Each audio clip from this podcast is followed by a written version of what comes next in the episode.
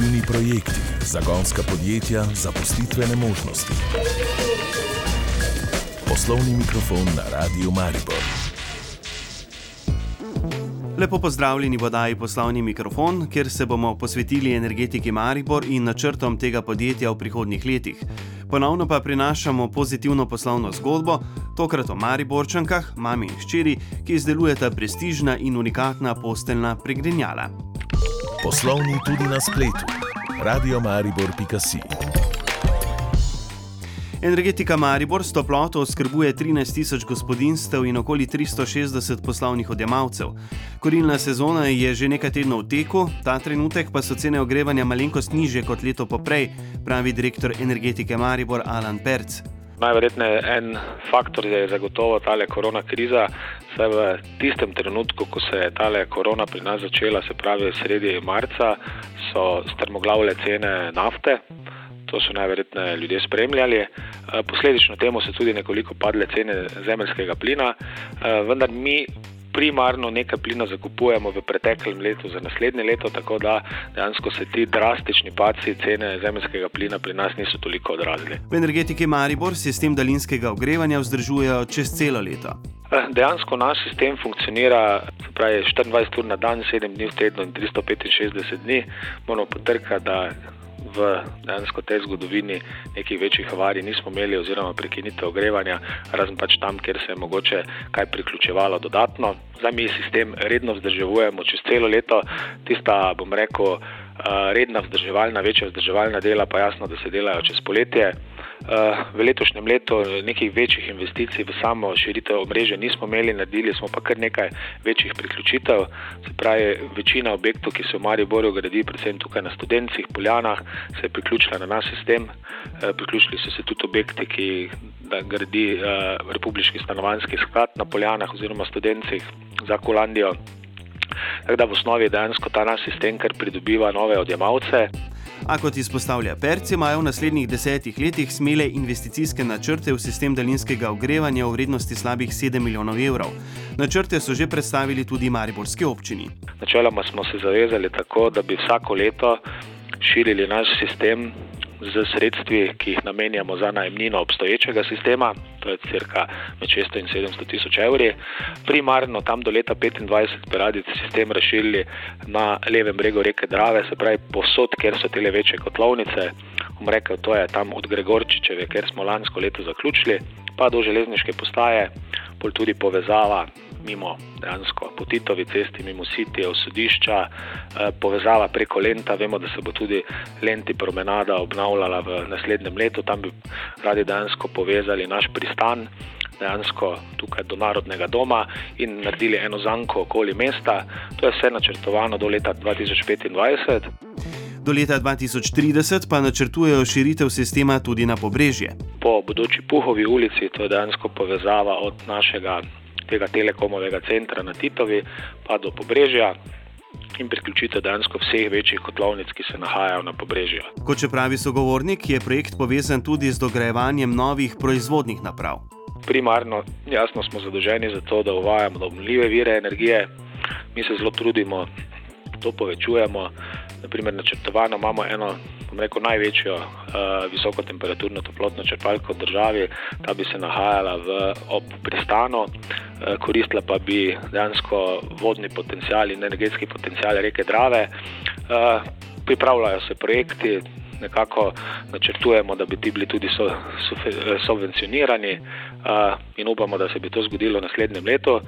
Tisti največji projekt, ki nas pa čaka, pa je najverjetneje tudi termična predelava odpadkov, iz katerega dejansko si bi naše mesto uh, rešilo problem najprej odpadkov, istočasno pa pridobilo tudi približno 60% samo skrbe pri uh, dejansko skrbi s toploto. Prav načrtovani sežigalnici odpadkov Mariboru pa v nadaljevanju, zato ostanite z radijem Maribor. Poslušate oddajo Poslovni mikrofon na Radiu Maribor. Poslovni mikrofon na Radiu Maribor. Nedavna študija Ministrstva za okolje je pokazala, da je Maribor ob Ljubljani najprimernejši za postavitev sežigalnice odpadkov. Odločitve, kje bodo sežigalnice, še ni, v Mariboru pa medtem potekajo nadaljne priprave za ta projekt. Direktor energetike Maribor Alan Perc. Načeloma moramo reči, da smo kar na dobri poti, eh, saj je mesto pač prepoznalo ta projekt kot en potencialno odličen projekt za mesto z vidika, to kot sem rekel, reševanja problematike odpadkov in istočasno zagotavljanja samo skrbe. Druga zadeva, eh, ki je tukaj pomembna, je ta, da se je mesto tudi odločilo, da bi skupaj z državo umeščalo objekt v prostor in prav zaradi tega je mesto posredovalo pobudo Ministrstvu za okolje in prostor, da dejansko se ta zadeva ne bi delala kot državni prostorski načrt, ampak kot občinski podrobni prostorski načrt skupnega pomena. V mestu smo tudi že dobili dejansko soglasje strani ministrstva, eh, zdaj pripravljamo dogovor, na kakšen način se bi to odvijalo. Dejansko to pomeni, da se država resno lotila tega, da bi Maribor ta objekt stal. Končne odločitve, ki bodo sežigalnice, torej še ni. Z Ministrstva za okolje in prostor so pred časom sporočili, da bodo namero za javno naročilo za podelitev koncesij za izvajanje te gospodarske javne službe objavili predvidoma do konca leta. Eh, glede, končna odločitev je vezana na to uredbo in na način, kako dejansko se bo ta državna gospodarska javna služba podelila, bodi si ali bo to kot koncesija lahko je tudi neposredna podelitev dejavnosti, naprimer eh, nekim državnim ali pa nasplošno javnim ustanovam, bodi si tu v tem primeru mestne občine ali pa na koncu konca tudi nam kot eh, javnemu podjetju, ki smo v 100% lasti mestne občine Maribor. O tem, kako hitro bi lahko sežigalnico postavili v Mariboru, pa. Zelo realno bom rekel, je tole, približno ocenjujemo, da v treh letih bi morali narediti eh, te zadeve, ki so povezane z umestitvijo objekta v prostor. V tem času najverjetneje se bo sporedno že tudi eh, izvajala projekti in eh, dejansko določala tehnologija. Pol pa še rabimo ene, dve do tri leta, da ga postavimo. Se pravi, jaz bi bil zelo realen. Se pravi, če v letu 2026 bo ta objekt stal v Mariboru, bomo zelo veseli. Pri samem projektu je odprtih še veliko neznank, tako glede financiranja, kot tudi sam način izvedbe. Izključeno ni niti javno-zasebno partnerstvo. Glede, zadeva je zelo odprta z vidika financiranja.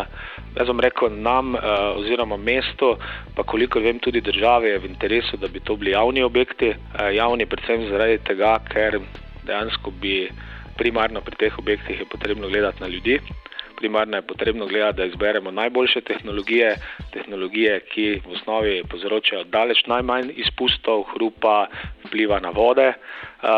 In, koliko so to javni, si lahko najverjetneje to privoščimo. Res je, da bo zaradi tega mogoče cena nekoliko višja, vendar bo pa življenje kvalitetnejše. Mi ocenjujemo ta objekt trenutno, res to je preko palca, na okrog 50 milijonov evrov. Uh, želimo si, da bi ga delalo mesto, Vemo, da tega denarja nimamo, zato pričakujemo podporo države, bodi si skozi subvencijo, kakšno subvencijo ali pa vsaj, da nam da garancijo oziroma poroštvo za najem kredita. En projekt po vseh ekonomskih izračunah je ekonomsko vzdržen, bom rekel, dober za mesto, dober za prebivalce, ker nekajkrat sem že povedal, da zagotovo bomo kar bistveno, vsaj za 20% znižali cene odpadkov, ki jih imamo danes, in pa na koncu koncev približno toliko bi se tudi lahko spustile cene uh, ogrevanja. Razmišlja Perc, ki meni, da bi bilo za postavitev sežigalnice smiselno pridobiti tudi evropska sredstva.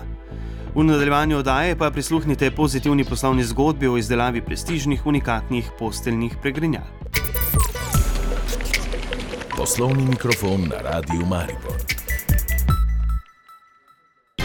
raziskovalec. Na javnem razpisu. Evropski razpisi, predstavitve poklicev, pozitivne zgodbe našega okolja. Ki bomo obrnili to tehnologijo v svoj prid. Poslovni mikrofon na Radiu Maribor.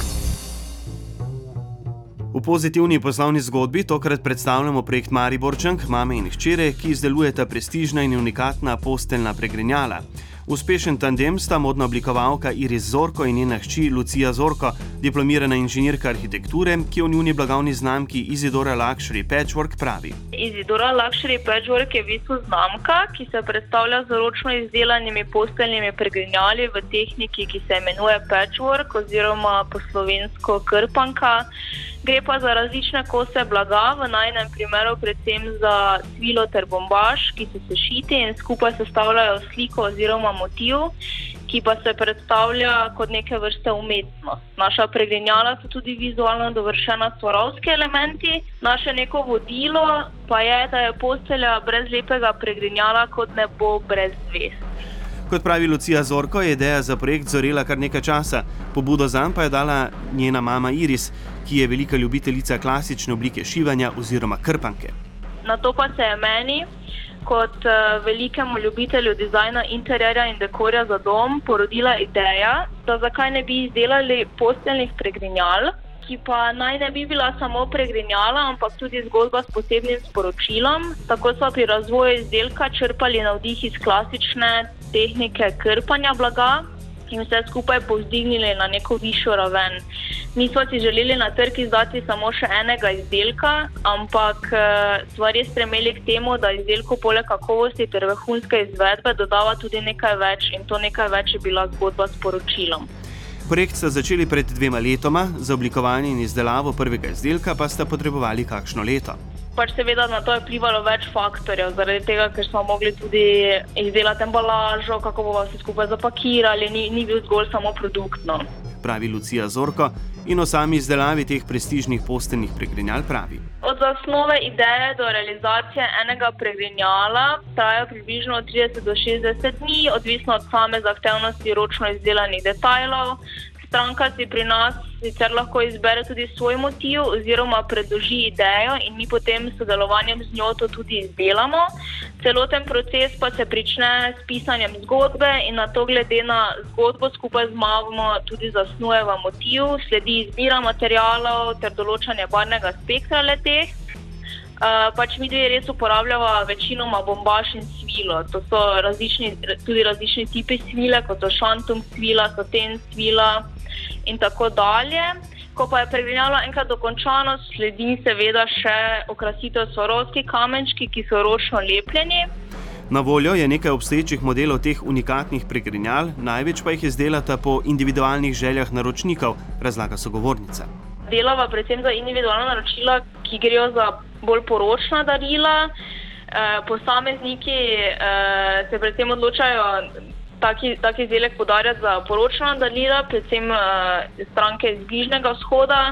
Zdaj veliko smo prodali uh, teh verzij Labodo, ki jih lahko vidite tudi na naši spletni strani. Poprečno pregnjalo pa je sestavljeno iz 500 kosov blaga in za okoli 2000 svarovski elementi.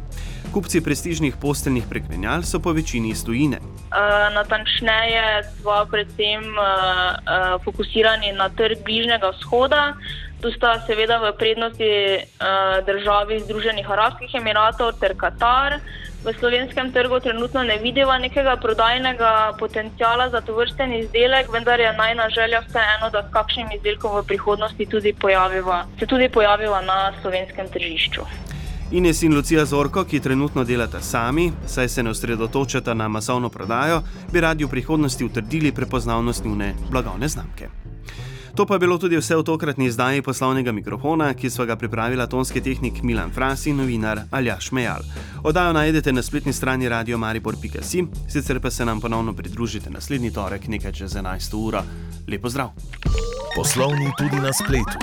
radiomari.si